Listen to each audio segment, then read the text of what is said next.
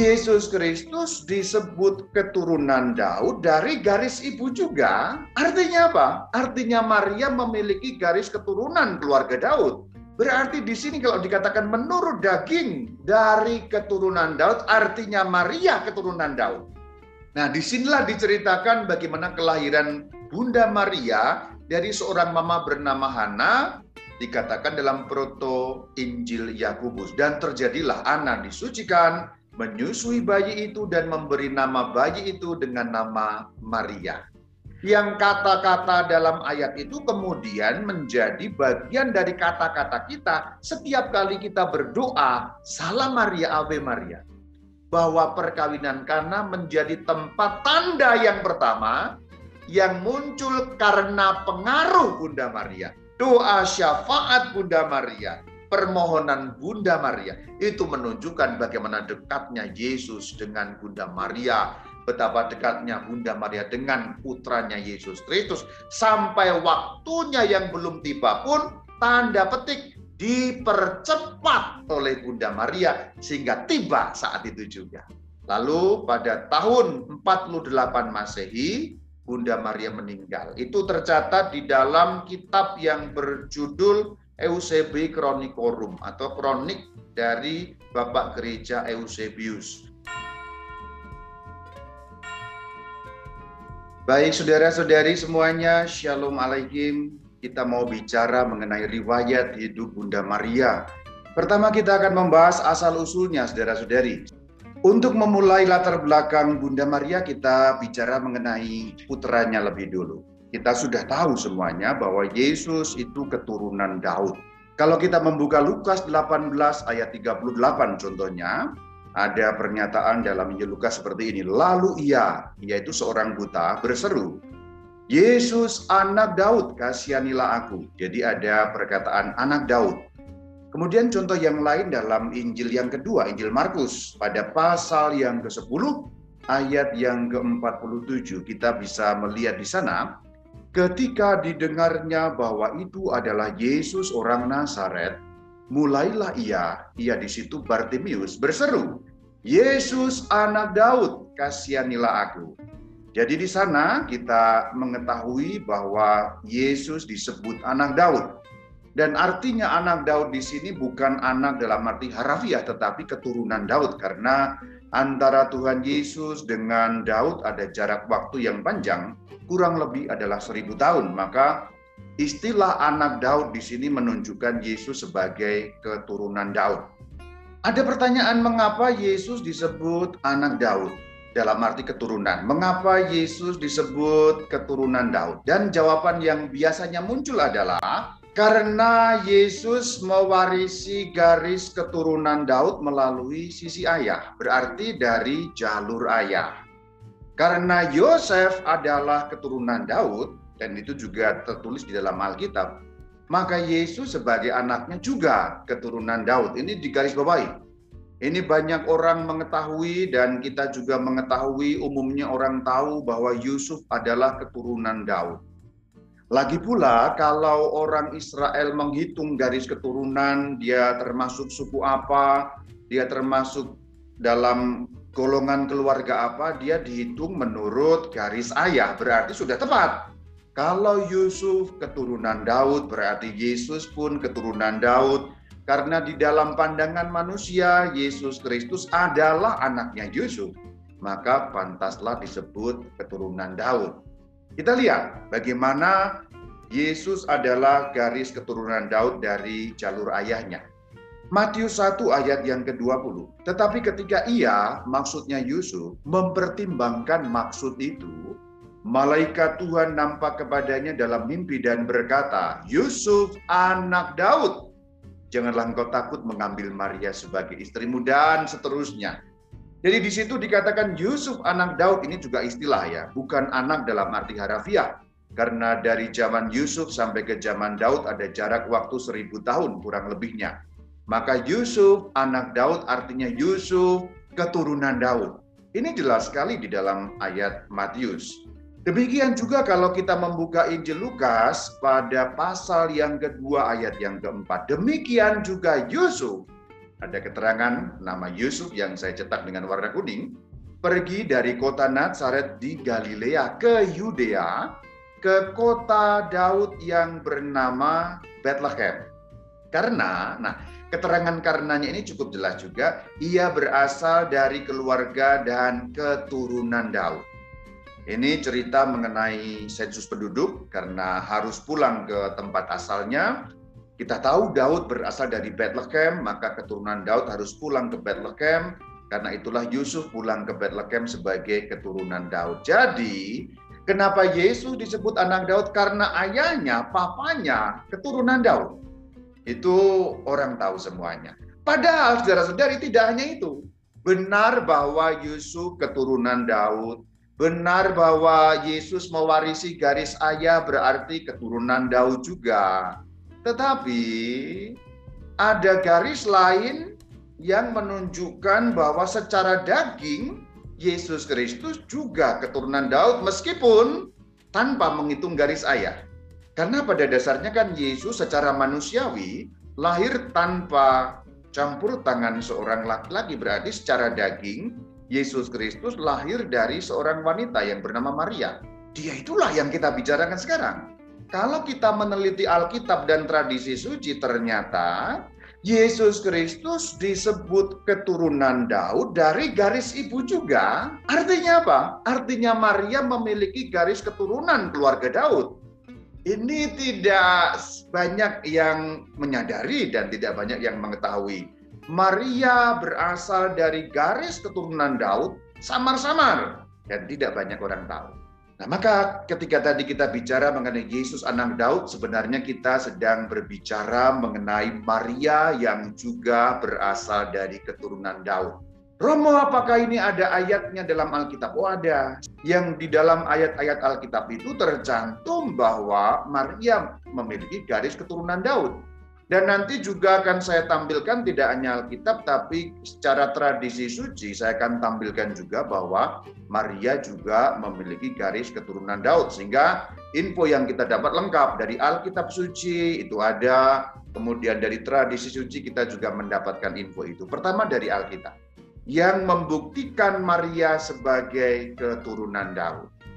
Nas ini banyak orang membaca, tetapi kemungkinan nggak terlalu sadar bahwa di dalam Injil Lukas pada pasal yang pertama, mulai dari ayat yang ke-30 tersimpan info mengenai Maria yang memiliki garis Daud. Kita baca, kata malaikat itu kepadanya, jangan takut hai Maria dan seterusnya.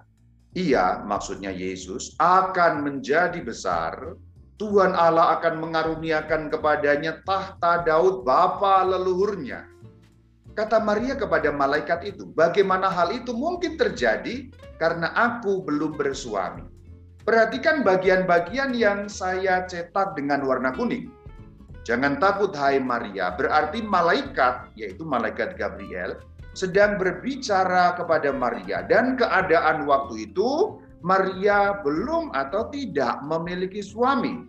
Maria belum punya pasangan hidup, Maria belum tahu siapa yang akan menjadi suaminya, meskipun memang diceritakan waktu itu masih dalam keadaan bertunangan, tetapi bertunangan berarti belum memiliki suami. Lalu malaikat mengatakan, Daud bapa leluhurnya. Katanya di situ itu merujuk pada Yesus Kristus. Berarti di sini tokoh utamanya adalah Maria, saudara-saudari. Tokoh utamanya Maria diberi suatu firman yang berasal dari Tuhan dengan perantaraan malaikat dikatakan nanti anak yang lahir itu ya dikatakan akan mewarisi tahta Daud bapa leluhurnya. Kalau saat itu Maria belum memiliki suami berarti itu kan nanti anak yang lahir dari Maria. Maka pernyataan Daud bapa leluhur Yesus tidak masuk akal kalau hanya ditinjau dari sudut Yusuf. Karena waktu itu mereka belum dalam keadaan suami istri.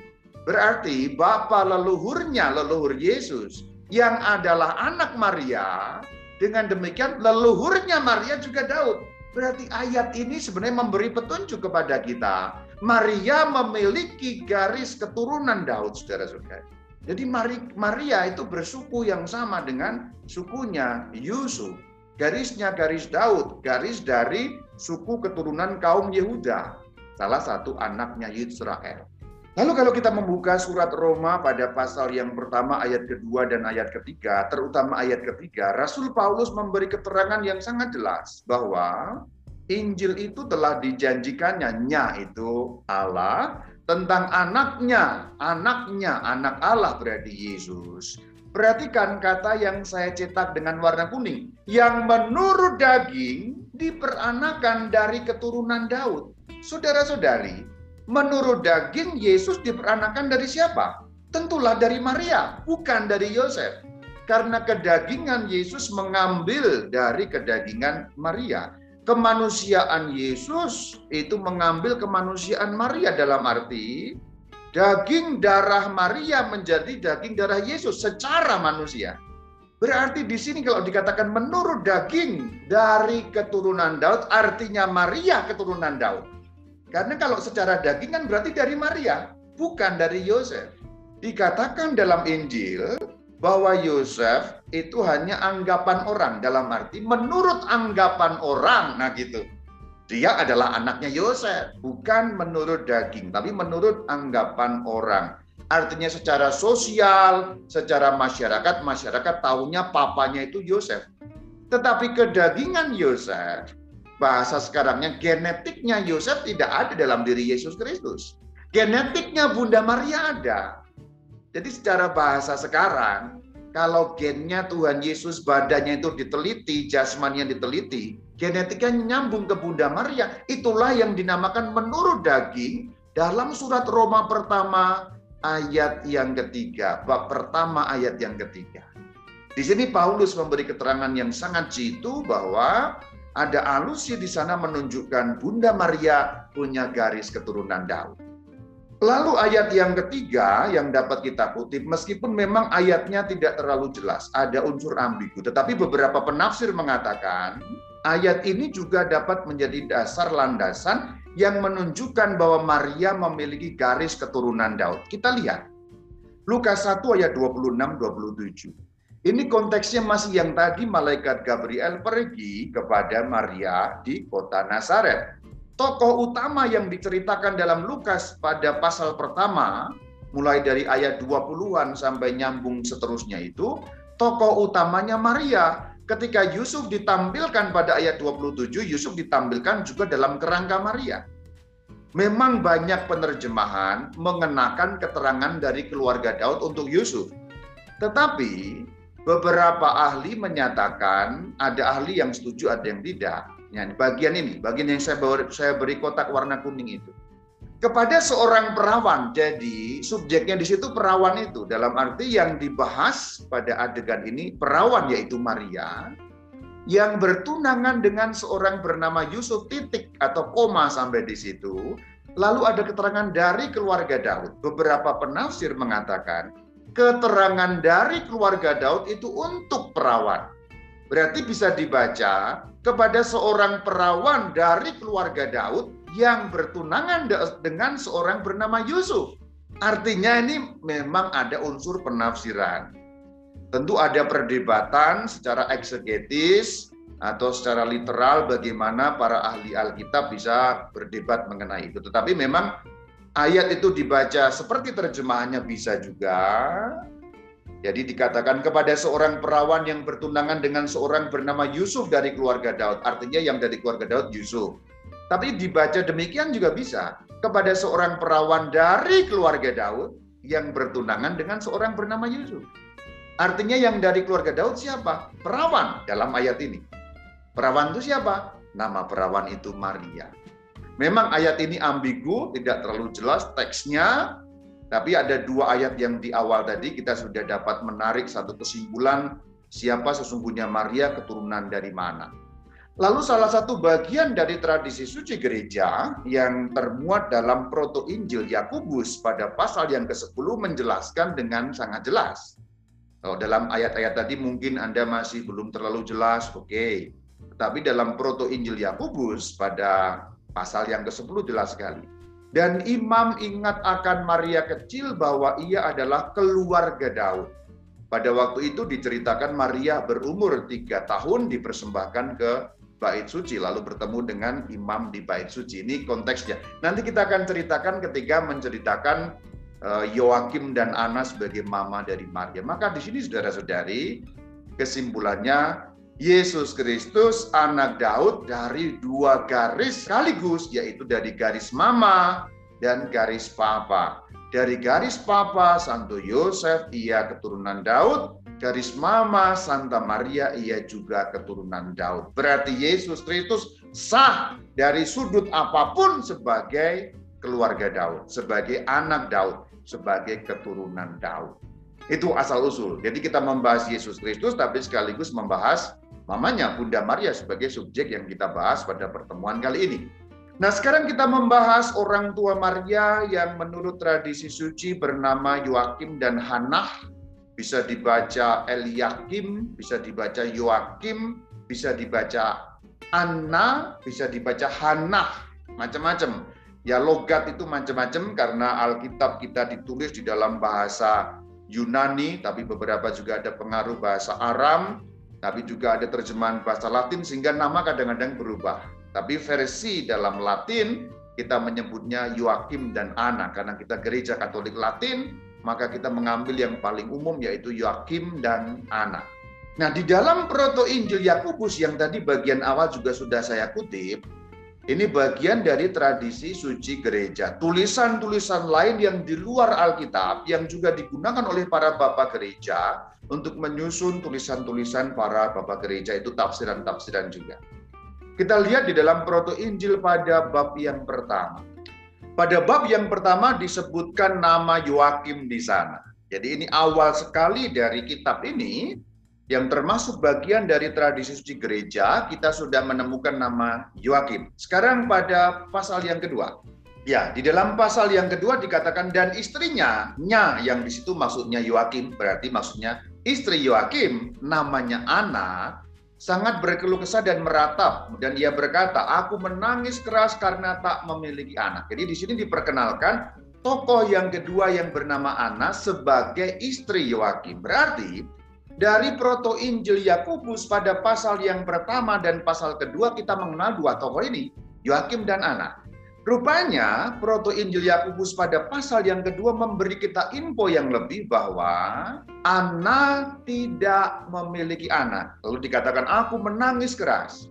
Saya hanya mengutip yang kita perlukan di sini. Sebenarnya pada bab satu panjang lebar ayatnya, kemudian pada bab dua juga panjang lebar, tapi saya kutip pendek bagian yang memang kita perlukan untuk kita ketahui. Jadi di sini ada info mengenai Ana yang tidak memiliki anak. Jadi dia meratap dan mengeluh mengesah. Kita tahu saudara-saudari, untuk seorang Yahudi, Yakim dan Ana, mereka orang yang Yahudi, untuk orang Yahudi tidak memiliki anak itu suatu kesedihan yang luar biasa. Itu aib yang luar biasa. Kita nanti dalam perjanjian baru kita membaca Elizabeth di sana yang sudah pada umur tua tidak memiliki anak itu sebagai aib untuk dia. Sekarang kita lanjut bahwa rupa-rupanya nanti pada pasal-pasal selanjutnya Yoakim dan Ana ini berdoa, terutama Ana berdoa memohon supaya ia diberi anak. Dan di dalam pasal yang keempat kita menemukan cerita seperti ini. Nah, di sini di dalam Proto Injil Yakobus pada pasal yang keempat itu dikatakan bahwa Tuhan mendengarkan doa Ana dan diberi perintah bahwa Ana akan mengandung dan perintah itu datang dari Tuhan melalui seorang malaikatnya. Bunyinya nasnya, dan melihatlah seorang malaikat Tuhan berdiri berkata, Ana, Ana, Tuhan telah mendengarkan doamu dan engkau akan mengandung. Berarti di sini, Ana yang sebelumnya tidak memiliki anak, dia bersedih karena itu. Kemudian mohon kepada Tuhan, akhirnya doanya dikabulkan sehingga ia mengandung. Dan di sini kita tahu saudara-saudari, kisah kelahiran Maria itu paralel dengan kisah perjanjian lama yaitu kisah kelahiran Samuel. Itu mirip sekali. Kita akan lihat kalau di sini. Kita akan kutip dari Alkitab pada kitab pertama Samuel dan secara tanda petik kebetulan nama mama mereka sama. Mamanya Bunda Maria itu bernama Anna, mamanya Samuel juga bernama Ana atau Hannah di dalam ejaan Ibrani.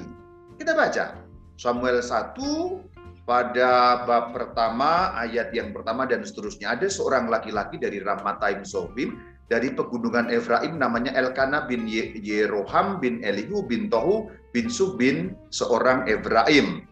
Dikatakan orang ini mempunyai dua istri yang seorang bernama Hana dan yang lain Penina. Penina punya anak, Hana tidak. Kemudian dikatakan pada ayat yang ke-9, Berdirilah Hana, ayat yang ke-10, dengan hati pedih ia berdoa kepada Tuhan sambil menangis terseduh-seduh. Perhatikan, Hana perjanjian lama berdoa menangis terseduh-seduh. Hana Mama Maria menangis terseduh-seduh. Sebabnya sama, tidak memiliki anak. Selanjutnya dikatakan pada ayat yang ke-20 setahun kemudian mengandunglah Hana melahirkan seorang anak laki-laki dan seterusnya namanya kemudian Samuel. Kita dapat tahu ceritanya dari kitab Samuel yang pertama. Nah, ini pun terjadi dengan Hana, mamanya Maria. Diceritakan di dalam Proto Injil Yakobus pada bab yang kelima. Nah, di sinilah diceritakan bagaimana kelahiran Bunda Maria dari seorang mama bernama Hana dikatakan dalam Proto Injil Yakobus dan terjadilah Ana disucikan menyusui bayi itu dan memberi nama bayi itu dengan nama Maria. Saudara-saudari, nama Maria itu ejaan Latin, sedangkan ejaan Ibraninya itu berbunyi Miriam. Ini Miriam, bunyi asli dalam Ibrani. Miriam, bunyi Arabnya Maryam, jadi Miriam Ibrani, Maryam itu Aram, kemudian diserap dalam bahasa-bahasa Eropa, bahasa Yunani, bahasa Latin menjadi Maria. Jadi Maria kita sekarang memanggil Maria karena menurut ejaan Latin Legio Mariae, Legio Maria itu kata aslinya Miriam atau Maria. Nah, nama itu ditulis dalam bahasa Ibrani seperti ini. Bahasa Ibrani ditulis dari sebelah kanan ya, jadi bukan dari sebelah kiri. Itu paling kanan itu huruf mem, ya kemudian resh, kemudian yod, kemudian mem, mem bagian terakhir maka ditutup dengan kotak seperti itu. Jadi huruf pertama dan huruf terakhir itu sama sebenarnya, tapi karena huruf terakhir harus berubah bentuk, maka mem yang di situ berubah bentuk. Jadi ini mem, resyot mem. Kemudian diberi tanda bunyi, titik di bawah berbunyi i, kemudian titik dua yang bertingkat seperti itu itu berbunyi e atau e lemah atau menandakan huruf mati. Lalu seperti huruf T itu menandakan huruf A. Berarti ini Miriam, Miriam, Miriam itu dibacanya begitu. Itu muncul di dalam Exodus atau kitab Keluaran 15 pada pasal yang ke-15 pada ayat yang ke-20. Yang saya beri warna kuning itulah yang berbunyi Miriam. Ini sama ejaannya, tulisannya. Tapi kita tidak usah membaca begitu karena kita malah pusing. Tapi paling kurang Anda lihatlah teks asli Alkitab kita dalam bahasa Ibrani itu seperti itu ya paling kurang kita nggak bisa baca tapi pernah lihat sehingga kalaupun ada orang menuduh Alkitabnya orang Kristen tuh nggak ada aslinya. Ada ada. Kita memang sekarang baca dalam bahasa Indonesia dalam bahasa Inggris dalam berbagai macam terjemahan tapi bukan berarti aslinya tidak ada. Selalu ada. Yaitu saya tunjukkan aslinya. Paling kurang kita pernah melihat. Kita tahu bahwa Miriam akar kata dari nama Maria adalah seorang nabi perempuan itu saudara perempuan Harun. Dan Bahkan dalam nanti dalam kitab Nabi Mika, ketiganya bahkan tanda petik disetarakan atau disamakan. Itulah kenapa kita tidak heran bahwa Yoakim dan Hana memberi nama anaknya dengan nama Nabi perempuan itu. Yang ikut dalam pembebasan orang Israel yang keluar dari Mesir di bawah pimpinan Musa dan dibantu Harun. Jadi tiga tokoh itu termasuk tokoh-tokoh pemimpin. Musa, Harun, kemudian Miriam sebagai seorang nabi perempuan. Maka kita boleh katakan ya nama yang bagus di dalam arti orang apa Ibrani, orang Yahudi karena kita tahu bahwa Hana Yoakim orang Yahudi. Apa arti nama Miriam? Tidak ada kepastian tetapi beberapa ahli mengatakan artinya memberontak. Ayat yang bisa dikutip dalam bilangan 12 ayat 1 Miriam dan Harun itu mencela Musa tanda petik memberontak terhadap Musa karena waktu itu Musa mengambil seorang perempuan dari suku Kus dari luar bangsa Israel. Jadi dicela karena Musa mengambil istri orang lain. Bukan orang lain dalam arti istri orang, tapi mengambil istri dari bangsa lain. Arti yang lain beberapa ahli menduga artinya gemuk, tapi dalam bahasa zaman kuno gemuk itu bukan seperti pikiran kita sekarang ya. Gemuk itu berarti montok dalam arti cantik, dalam arti indah. Karena kecantikan pada zaman kuno tidak diasosiasikan dengan kerempeng seperti zaman sekarang. Kalau zaman sekarang yang dianggap cantik, yang dianggap perempuan ideal itu yang kerempeng-kerempeng, yang kurus-kurus, yang sekarang kita menyebutnya langsing, tapi ya sebenarnya kerempeng, itu yang dianggap cantik. Tapi pada zaman kuno, itu bahkan sampai abad pertengahan masih ada, sampai zaman barok bahkan masih ada, yang dianggap cantik itu yang seperti ini, Mona Lisa, yang berisi ya. Kalau perempuan kerempeng dianggap tidak cantik maka kalau Miriam berarti gemuk berarti cantik ya. Itu tapi nggak penting arti nama itu hanya sekilas-sekilas kita tidak punya kepastian mengenai itu. Sementara itu dalam kitab nikah pada pasal yang ke-6 ayat yang keempat kita tahu bahwa dikatakan Aku mengutus Musa dan Harun dan Miriam sebagai penganjurmu. Perhatikan bahwa Musa, Harun, Miriam ditulis satu deret ini menunjukkan betapa pentingnya nama tokoh Miriam itu di dalam sejarah bangsa Israel. Nah, kita sekarang meninjau ke Nazaret sebagai asal-usul dari Bunda Maria. Apakah Nazaret tempat kelahiran Bunda Maria? Itu pertanyaan. Kita tidak punya kepastian yang terlalu pasti mengenai kelahiran Bunda Maria di mana. Jadi tadi diceritakan dalam proto Injil Yakobus tetapi tempatnya tidak pasti. Ada tiga proposal yang diajukan bahwa Bunda Maria lahir di Bethlehem, itu yang pertama. Yang kedua lahir di Seforis, itu masih dekat-dekat situ. Kemudian yang ketiga lahir di Yerusalem. Dan beberapa ahli, beberapa tradisi suci lebih cenderung mengatakan Bunda Maria lahir di Yerusalem atau lahir di sekitar Yerusalem. Meskipun ada dua proposal lain yang mengatakan hal yang berbeda yaitu Seforis dan Bethlehem tapi Yerusalem yang kiranya dipandang sebagai yang umum diterima sebagai tempat kelahiran Bunda Maria, bukan di Nazaret. Nazaret baru perkembangan kemudian ketika nanti mereka pindah untuk berumah di tempat itu. Sekarang kita bahas mengenai Maria dipersembahkan di bait Allah. Kita juga tahu bahwa Yesus dipersembahkan di bait Allah, tetapi Bunda Maria pun dipersembahkan di bait Allah.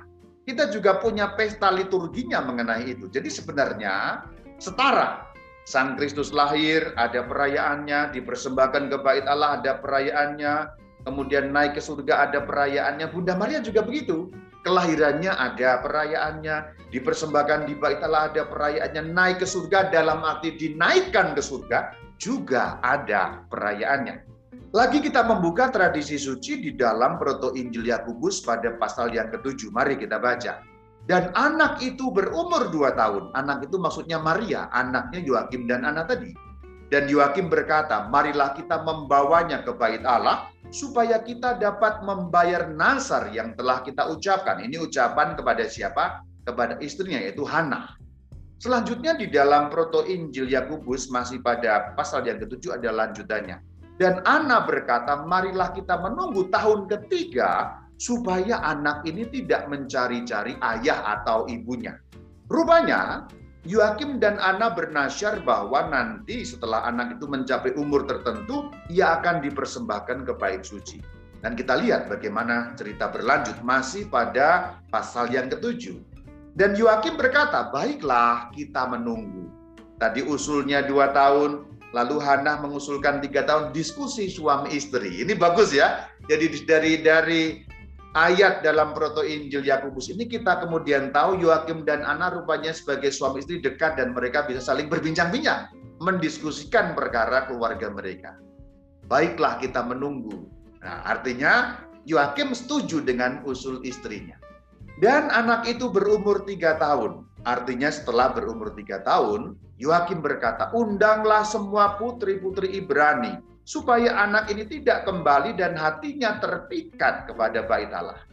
Jadi Yoakim dan Ana punya janji untuk menyerahkan anak itu kepada bait Allah. Itu mirip seperti kisah Samuel. Jadi saudara-saudari, rupanya kisah mengenai Bunda Maria itu sedikit paralel dengan kisah mengenai Samuel. Hana, baik Hana mamanya Samuel nggak punya anak, Hana Mama Maria nggak punya anak, setelah punya anak akan dipersembahkan kepada Tuhan dan inilah dipenuhi dalam nazar mereka. Masih lanjut. Dan mereka melakukannya demikian hingga mereka tiba di bait Allah. Dan imam menerima anak itu berarti menerima Maria yang masih kecil umurnya berapa? Tiga tahun. Menciumnya, memberkatinya, kemudian berkata. Inilah perkataan imam. Dan perkataan imam yang menerima di bait suci itu menjadi seperti nubuat bagi Bunda Maria itu sendiri. Kita baca.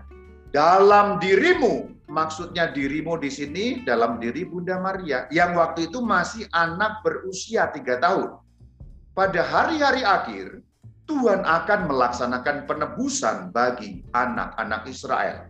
Jadi dalam dirimu, Tuhan akan melaksanakan penebusan nanti itu. Terpenuhi nubuat ini di dalam siapa? Dalam diri Yesus itu sebagai anak Maria yang diperanakan menurut daging.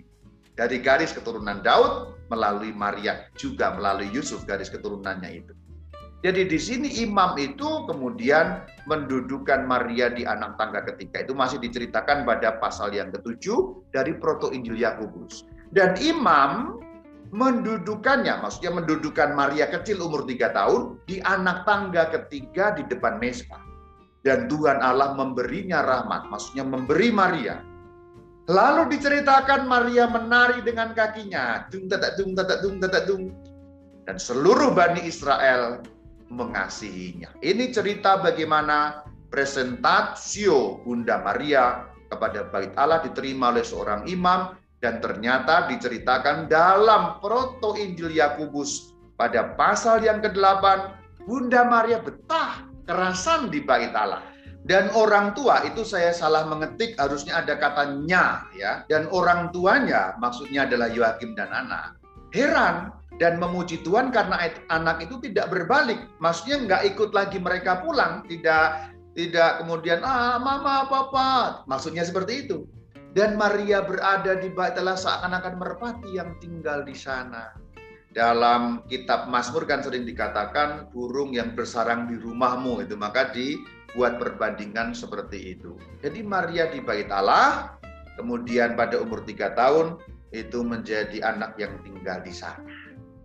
Dan ini bukan hal yang aneh, tinggal di bait Allah kalau kita membaca Injil Lukas pada pasal yang kedua ayat 36 37 di situ juga ada seorang yang bernama Hana, lagi-lagi Hana. Kita mengenal tiga Hana ya. Hana mama Samuel, Hana mama Maria, sekarang Hana seorang nabi perempuan dalam Injil Lukas. Ada Hana seorang nabi perempuan anak Fanuel dari suku Asyer.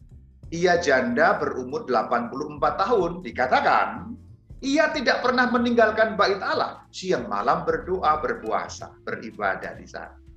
Ini bukan sesuatu yang aneh. Maka ketika Maria dibawa ke bait Allah, kesaksian Injil dalam Injil Lukas pun menguatkan kisah itu. Sehingga kita tidak perlu heran karena memang beberapa orang kemudian tinggal di bait Allah melaksanakan peribadatan, berdoa dan berpuasa. Namun memang beberapa ahli menafsirkan Bunda Maria bukan dalam arti tertentu benar-benar tinggal di bait Allah, tetapi dalam arti tertentu sering berada di bait Allah meskipun dia masih tinggal bersama dengan mamanya dan papanya Yoakim dan Ana. Tapi bahwa kedekatan Bunda Maria dengan bait Allah, kesucian Bunda Maria yang terpikat dengan bait suci sudah dimulai sejak ia masih masa kecilnya.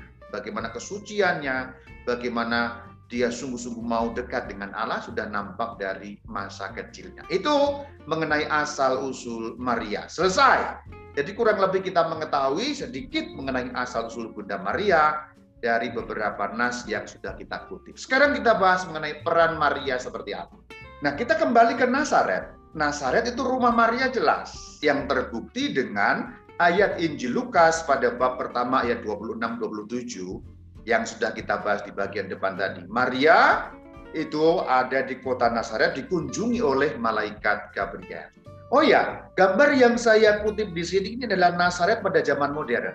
Jadi di tempat di mana rumah Maria itu, kemudian di tempat Gabriel menampakkan diri itu, dibangun sebuah basilika yang besar. Kemudian kita kalau masuk ke dalamnya agak di lantai bawah ada ada seperti ada altar seperti ini. Di bagian tengah altar itu ada tulisan, terlalu kecil saya besarkan ya.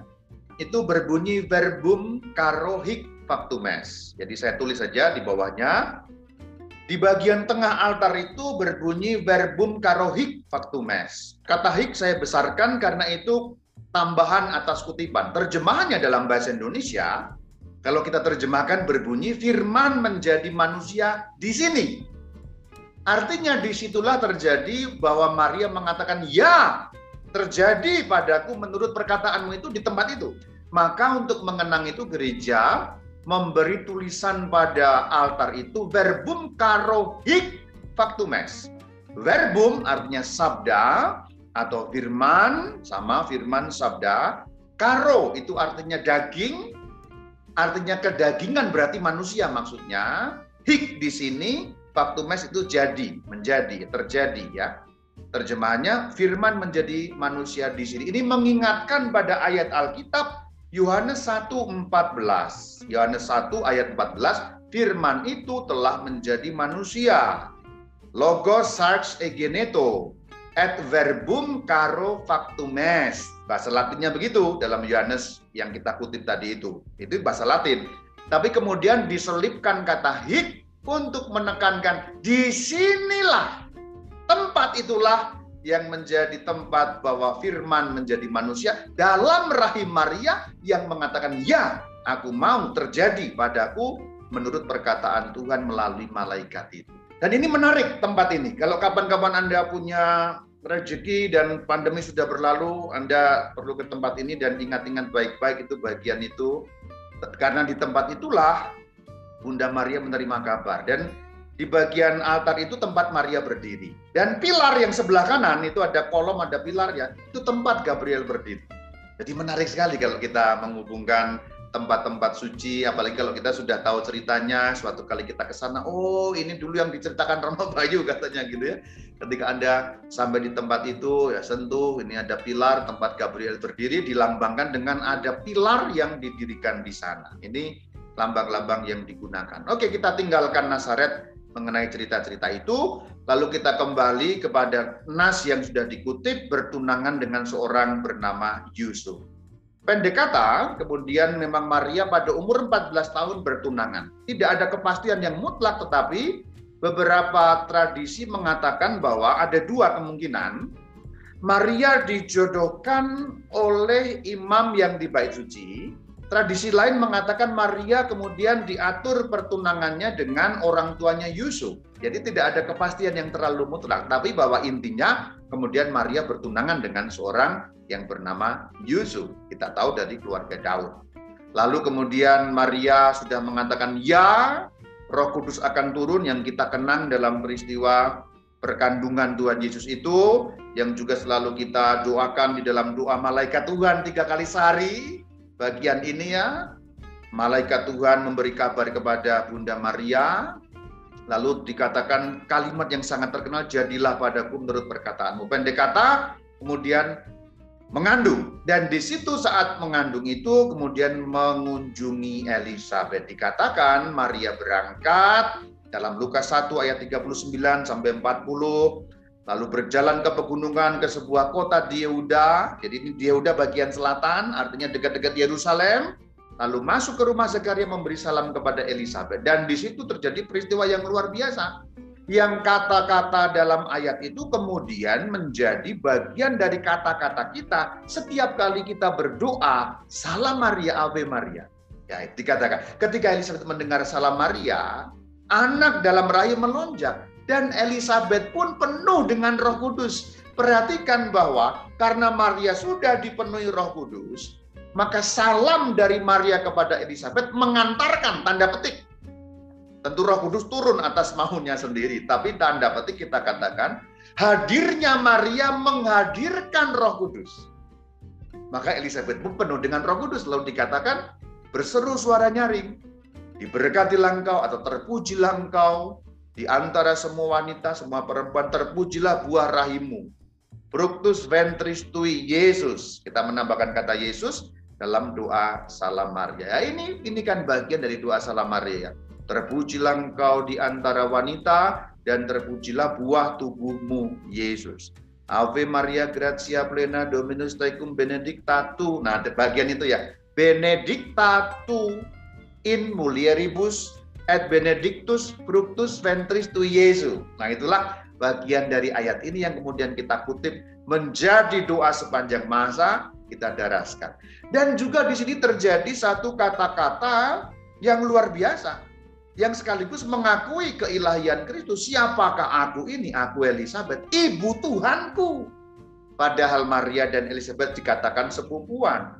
Tapi dikatakan ibu Tuhanku, ibu junjunganku. Mereka sepupuan loh. Kenapa Elizabeth bisa mengatakan seperti itu? Ini tidak mustahil karena pada ayat 41 Elizabeth dipenuhi roh kudus. Ketika diberi kuasa roh kudus, dipenuhi dengan roh kudus, Elizabeth mengetahui nubuat-nubuat, mengetahui bahwa yang dikandung oleh Maria bukan anak sembarangan. Terbukti anaknya Elizabeth melonjak. Di situlah maka muncul ungkapan ibu Tuhanku, ibu junjunganku.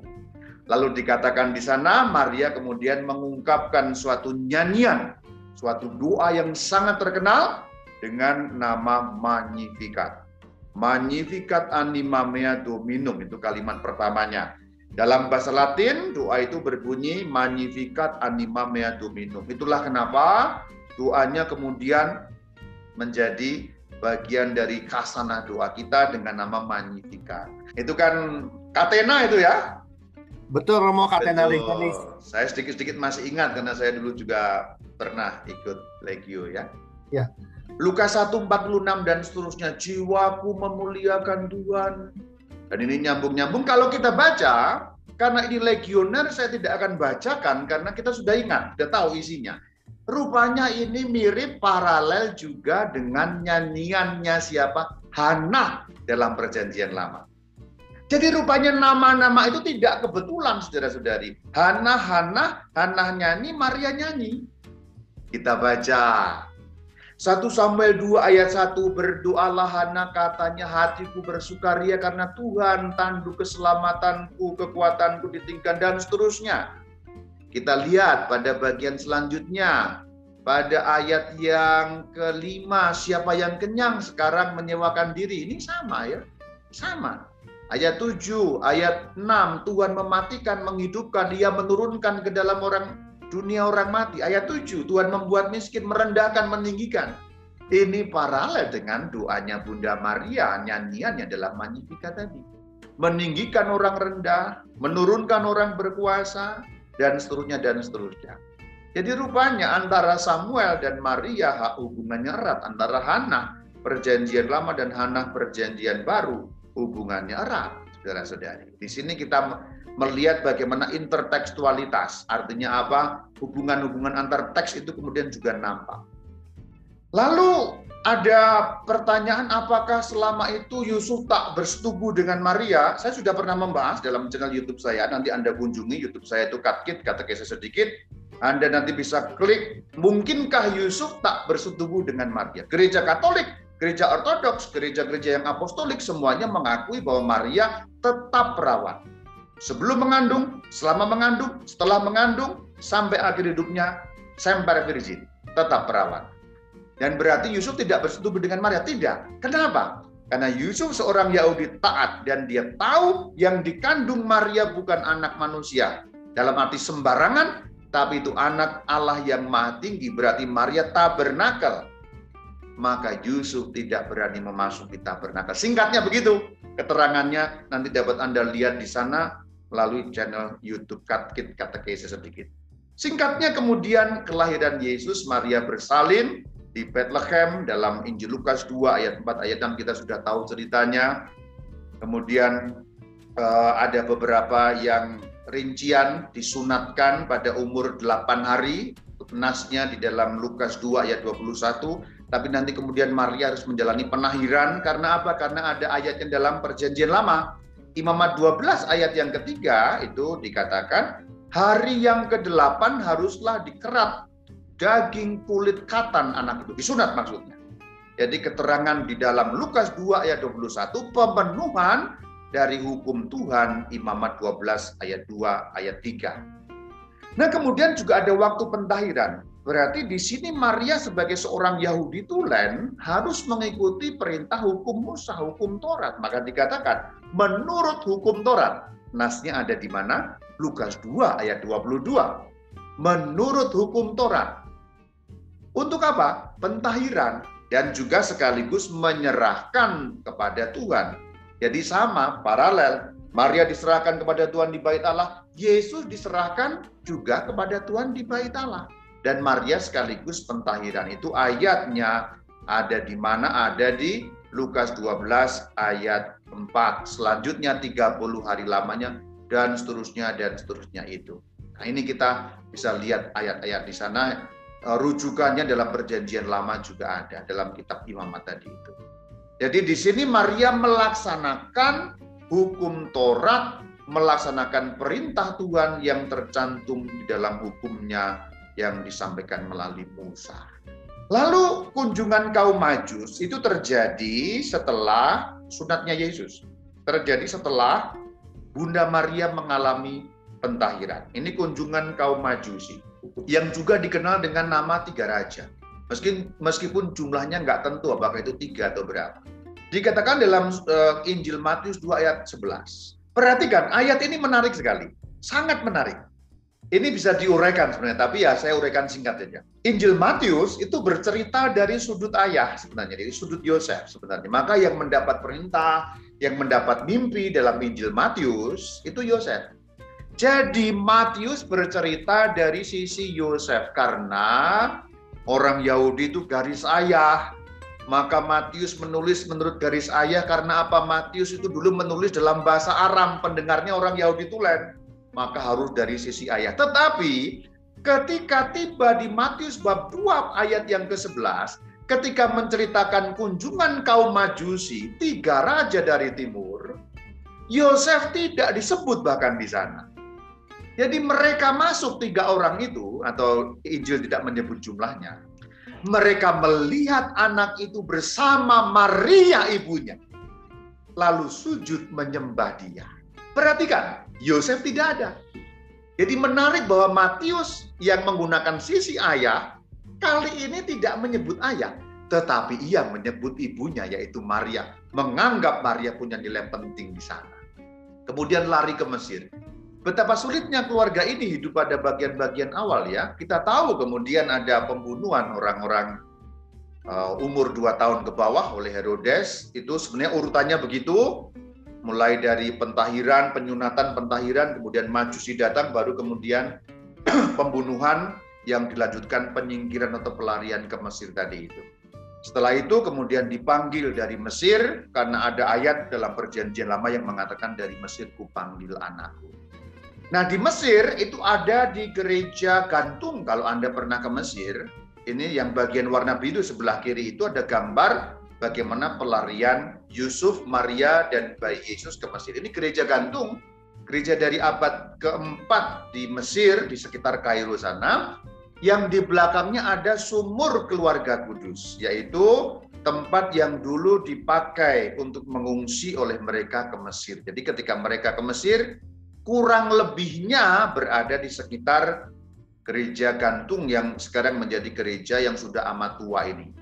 Gereja ini di bawah pelayanan dari gereja Ortodoks Koptik Mesir yang gereja itu tergabung di dalam gereja-gereja oriental, Ortodoks oriental. Itu rumit, nanti kalau Anda pengen tahu, Anda boleh buka channel YouTube Katkit saya, dengan judul empat gereja apostolik, dua ortodoks, dua paus. Itu saya tidak pernah membahas.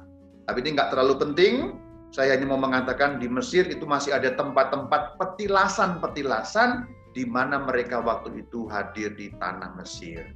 Kemudian singkat kata hidup di Nazaret. Kita sudah tahu ada ayat-ayat yang kita bisa baca Matius 2 ayat 21 22. Dan rupanya bagian ini kita bisa menyimpulkan sebelumnya mereka tinggal di Yehuda. Perhatikan Matius 2 ayat 22. Tetapi setelah didengarnya bahwa Arkelaus menjadi raja di Yehuda dan seterusnya, iya, iyanya Yusuf takut ke sana.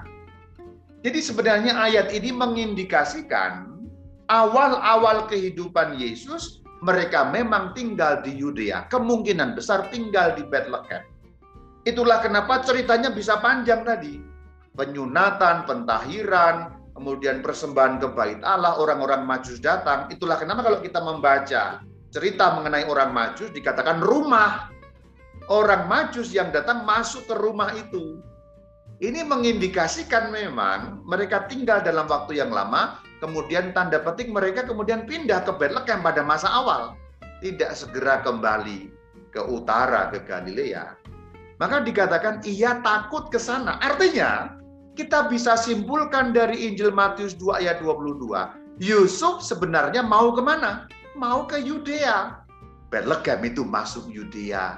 Jadi kemungkinan Yusuf ingin berkehendak kembali ke Bethlehem seperti ketika awalnya mereka masih hidup sebelum pembunuhan anak-anak dua dua tahun itu. Tetapi kemudian dinasihati dalam mimpi Yusuf pergi ke Galilea. Akhirnya pergi ke Galilea tinggal di Nazaret ayatnya Matius 2 ayat 23 untuk menggenapi firman Tuhan bahwa Yesus disebut orang Nazaret.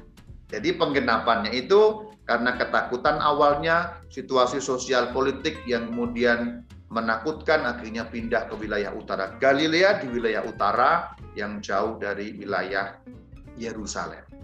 Nah pada saat berkarya peran Bunda Maria akan saya tampilkan tiga. Tiga yang penting-penting utama ya. Pertama saat ada di Kana, yaitu perkawinan di Kana. Yang kedua saat Yesus mengajar. Yang ketiga saat sengsara Tuhan. Karena kita tahu ceritanya. Yohanes pada pasal yang kedua ayat 1 sampai 11 dikatakan ada ibu Yesus. Dan di situ yang bagian paling pentingnya itu apa? Bagian paling pentingnya adalah saatku belum tiba, yang itu. Nanti pada ayat-ayat selanjutnya dikatakan, apa yang kau mau daripadaku wanita atau perempuan, ibu terjemahannya, saatku belum tiba. Pada saat itu Bunda Maria memberitahu kepada Tuhan Yesus mereka kehabisan anggur. Dan pada saat itu Tuhan Yesus belum menampilkan tanda-tanda apa pun mengenai keilahiannya. Maka dikatakan bahwa perkawinan Kana menjadi tempat tanda yang pertama yang muncul karena pengaruh Bunda Maria. Doa syafaat Bunda Maria, permohonan Bunda Maria itu menunjukkan bagaimana dekatnya Yesus dengan Bunda Maria betapa dekatnya Bunda Maria dengan putranya Yesus Kristus sampai waktunya yang belum tiba pun tanda petik dipercepat oleh Bunda Maria sehingga tiba saat itu juga. Luar biasa Bunda Maria ini. Ini karena lewat, kita sudah sangat kenal cerita. Kemudian bagian penting yang lain yaitu pada saat baginda Yesus tampil depan umum ketika mencari ya. Markus 3 ayat 32 dan seterusnya. Lihat ibu dan saudara-saudarimu di luar mencari engkau, mau menemui engkau.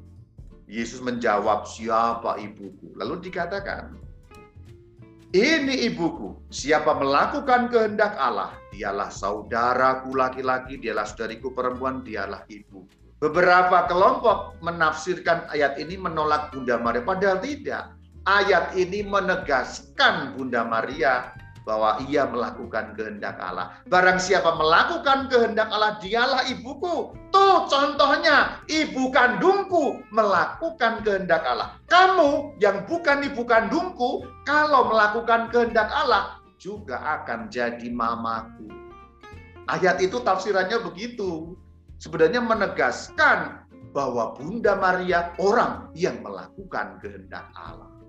Jadi pada saat Yesus tampil depan umum, Yesus memuji mamanya. Secara memang tidak langsung, tapi pendengar sudah tahu saudara-saudari di sana. Itu kurang lebihnya seperti itu penafsiran. Lalu bagian terakhir dari uh, peran Maria terkait dengan Yesus pada saat terakhir, kita juga sudah tahu semua. Ibu,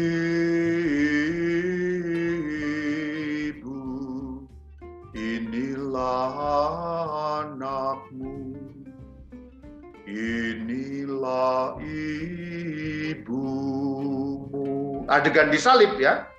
Bunda Maria dan Santo Yohanes, Rasul Yohanes Penginjil, lalu menerima dia, menerima Bunda Maria dalam rumahnya. Kita lihat bagian terakhir yang cetak warna kuning. Sejak saat itu murid itu menerima dia di dalam rumahnya dan tradisi suci menerima tafsiran bahwa murid itu adalah Yohanes Penginjil. Untuk lengkapnya Anda boleh klik nanti yang berjudul menolak Maria sama dengan antikristus. Itu Anda boleh klik, itu saya bahas panjang lebar mengenai tema itu. Sekarang kita singkat saja. Kita fokus pada murid yang menerima Maria di dalam rupanya. Berarti sejak adegan ini, episode ini, Maria kemudian tinggal bersama dengan Yohanes sang penginjil, Yohanes Rasul. Maka setelah kebangkitan Tuhan, kita bisa melihat bagaimana perkembangan hidup Bunda Maria, kemudian terkait dengan perkembangan kehidupan Yohanes Rasul. Artinya, episode setelah kebangkitan Tuhan kita bisa meneliti kehidupan Yohanes untuk mengetahui kurang lebihnya kehidupan Bunda Maria seperti apa. Ketika nanti Maria tidak disebutkan secara eksplisit, kita bisa mendeteksi dari kehidupan Yohanes. Karena apa? Kemudian Yohanes menerima Maria di dalam rumahnya. Beberapa masih disebut pada bagian awal, sebelum Pentakosta contohnya ya, kisah Rasul 1 ayat 14 yang kembali ke kota masuk ke ruang atas dikatakan mereka berkumpul bertekun sehati dalam doa dengan siapa beberapa perempuan serta Maria ibu Yesus dan saudara-saudara Yesus. Saya juga sudah membahas bagian ini, Anda boleh klik nanti yang berjudul Agama Jalan Tuhan, saya bahas panjang lebar di sana. Berarti pada saat Pentakosta Bunda Maria juga ikut ada di sana dia ikut di ruang atas, ikut bersama dengan para rasul berkumpul menantikan janji Bapa. Lalu Yohanes kita lihat, kenapa sekarang berpaling kepada Yohanes? Karena tadi sejak saat itu Maria kemudian diterima di rumah Yohanes. Berarti kalau kita sekarang meneliti Yohanes sama dengan meneliti di mana Bunda Maria. Kisah Rasul 3 ayat 1. Yohanes pergi ke bait suci berarti pada adegan-adegan itu Bunda Maria masih berada di Yerusalem bersama dengan Yohanes. Bahkan nanti sampai beberapa lama masih demikian. Galatia 2 ayat 9 itu yang menyebut bagaimana Paulus bertobat dan kemudian bersalaman dengan Yakobus, Kefas dan Yohanes. Yohanes penginjil berjabatan dengan tangan dengan Paulus sebagai tanda persekutuan berarti bahkan setelah pertobatan Saulus alias Paulus, Bunda Maria berarti masih ada di Yerusalem. Kita juga lihat bagaimana ketika Yohanes ditangkap bersama dengan Petrus, Praksis Apostolon atau Kisah Para Rasul 4 ayat 13, lalu nyambung ayat-ayat selanjutnya. Dan kemudian ketika mereka diutus ke Samaria, pada Praksis Apostolon alias Kisah Para Rasul pada bab yang ke-8 ayat 14, Petrus dan Yohanes pergi ke Samaria, tetapi mereka base camp-nya ada di Yerusalem. Artinya Bunda Maria setelah kebangkitan Tuhan, setelah Pentakosta, ada di kota Yerusalem, tinggal di sana. Lalu ternyata Yohanes tanda petik hilang dari Alkitab. Tetapi tradisi suci puji Tuhan Deogratias mencatat di mana Yohanes bahasa gampangnya pada episode-episode ini kalau kita menemukan Yohanes di mana, kita menemukan Maria ada di mana. Maria di Yerusalem. Apakah setelah itu kemudian Yohanes di Yerusalem? Tampaknya kemudian mereka berpindah tempat.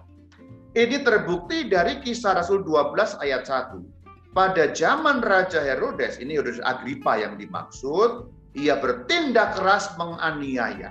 Kira-kira tahun 41 sampai 44 Masehi. 40-an Masehi awal, orang-orang Kristen awal kemudian dianiaya. Berarti mereka kemudian menyebar. Dan para rasul berpencar keluar dari Yerusalem. Bunda Maria mengikuti gerak Rasul Yohanes yang keluar dari Yerusalem. Tradisi suci menceritakan bagi kita di dalam kitab yang ditulis oleh Bapak Gereja yang bernama Eusebius, dalam kitab yang berjudul Historica Ecclesiastica, pada volume yang ketiga, pasal pertama ayat pertama dikatakan Rasul Suci tersebar ke seluruh dunia. Ke mana? Ada keterangan lanjutannya, masih dalam kitab yang sama. Menurut tradisi, perhatikan, Parsia dipercayakan kepada Thomas dan seterusnya, tidak terlalu penting yang lain, langsung yang warna kuning. Asia kepada Yohanes. Berarti Yohanes pergi ke Asia, yaitu wilayah kota Efesus. Bagian terakhir, meninggal di Efesus. Jadi jelas bahwa Yohanes meninggal di Efesus. Tapi kemudian kalau kita perhatikan Asia itu bukan Asia dalam arti benua Asia kita sekarang loh ya. Itu Asia itu hanya bagian kecil, salah satu provinsi dari Imperium Romanum pada saat itu. Jadi Asia itu cuma bagian kecil di situ. Beberapa kota utama adalah Efesus dan Miletus. Jadi Bunda Maria pindah dari Yudea ke Efesus. Itulah kenapa beberapa tradisi suci mengatakan Bunda Maria meninggal dunia di Efesus. Tapi sebenarnya Bunda Maria kembali lagi ke Yerusalem. Bahkan nanti pada saat para rasul itu bersidang di Yerusalem, itu Bunda Maria ada di Yerusalem tapi sudah meninggal dunia karena diperkirakan memang Bunda Maria meninggal pada tahun 48 Masehi. Jadi tidak berapa lama setelah penganiayaan oleh Agripa tadi, untuk menghindari penganiayaan, mereka pindah ke Asia, yaitu di kota Efesus karena bersama dengan Yohanes. Nah kemudian kira-kira sudah agak reda kembali ke Yerusalem.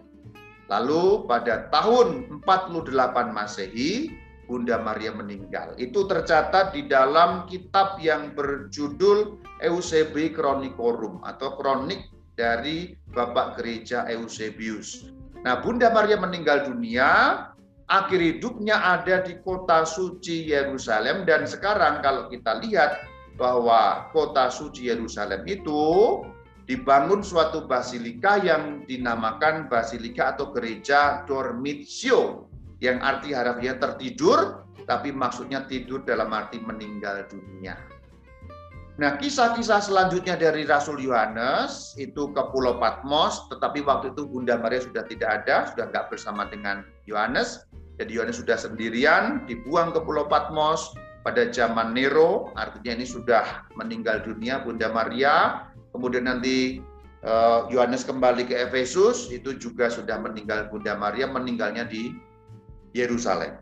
Memang ada juga beberapa tradisi kecil yang menyatakan Bunda Maria meninggal di Efesus. Ada yang berpendapat seperti itu, tapi memang kebanyakan menyatakan bahwa Bunda Maria meninggal di kota Yerusalem dan kemudian dibangun satu basilika besar di tempat di mana Bunda Maria diangkat ke surga. Lalu kalau kita membuka mengenai cerita Bunda Maria diangkat ke surga, Anda saya tidak akan cerita panjang lebar bagian ini, Anda nanti bisa membuka channel YouTube saya yang berjudul Misteri Bunda Maria diangkat ke surga, saya jelaskan panjang lebar. Saya kutip KGK yaitu Katekismus dari 966 dan 974 yang menceritakan bahwa Bunda Maria diangkat dengan jiwa dan badan ke dalam kemuliaan surga. Jadi di situlah di Yerusalem itulah Bunda Maria kemudian wafat, dari wafat itu kemudian diangkat ke surga dengan jiwa dan badannya. Ringkasnya begitu, riwayat kehidupan Bunda Maria memang dalam Alkitab tidak banyak disebut, tetapi puji Tuhan, Deo Gratias, kita memiliki tradisi suci, sehingga yang samar-samar itu menjadi jelas. Sama, rasul-rasul yang samar-samar pun menjadi jelas. Yohanes pun, saya juga sedang menyiapkan tentang Yohanes, karena nama saya Yohanes, yang sudah saya bahas adalah eh, Petrus dalam delapan seri. Kalau Anda juga pengen nonton bagaimana kelengkapan-kelengkapan tradisi suci itu membuat kita mengerti bagaimana cerita hidup mereka, Anda boleh klik ke channel YouTube kan. Begitu kurang lebihnya perjalanan riwayat hidup, kita menggali dari Alkitab, menggali dari tradisi suci gereja, saya juga tampilkan beberapa tempat yang terkait langsung dengan kehidupan Bunda Maria. Jadi makamnya Bunda Maria itu ada di mana? Tidak ada makamnya, tapi meninggalnya ada di Yerusalem. Nah, sekarang badannya ada di mana? Ada di surga, mendahului kita semua. Dan Bunda Maria orang nomor dua. Ini logo atau gambar yang kami buat sendiri, ini lucu-lucuan ya. Ini seperti menang, ini waktu kami buat pada saat 15 Agustus yang lalu, itu kan masih musim Olimpiade. Yesus juara pertama, Bunda Maria juara kedua. Yesus mendapat emas, Bunda Maria mendapat perak. Dalam hal apa? Wafat, bangkit, naik ke surga. Nanti kita menyusul nomor-nomor yang selanjutnya. Demikian kiranya mendapat pengetahuan yang bermanfaat bagi iman kita. Saya mengakhiri pembicaraan ini dengan salam bagi Anda semua. Shalom alaikum dan saya akan menghadiahi Anda satu nyanyian untuk mengakhiri secara total pertemuan kita nyanyian dari Kasana Gereja Katolik Bizantin, Gereja Katolik Timur, yang menceritakan bagaimana Bunda Maria wafat, kemudian dibangkitkan oleh Allah dan diangkat naik ke surga. Lagu ini dinyanyikan pada saat apa? 15 Agustus sebagai Hari Raya Dormitio atau Hari Raya Assumptio. Nanti penjelasan lengkapnya Anda boleh lihat di channel YouTube saya. Endigenisi in partheniane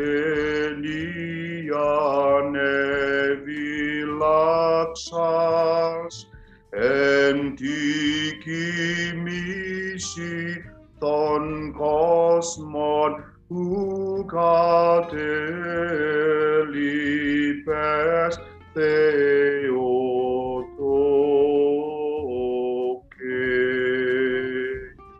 Sedikit mengimbangi kuping kita yang biasa dengar lagu-lagu barat Latin Ave Maria, ini lagu-lagu Bizantin, maka nadanya daerah timur mungkin tidak terlalu lazim, tapi saya senang menyanyikannya sebagai hadiah untuk Anda. Semoga bermanfaat. Shalom alaikum alaikum shalom.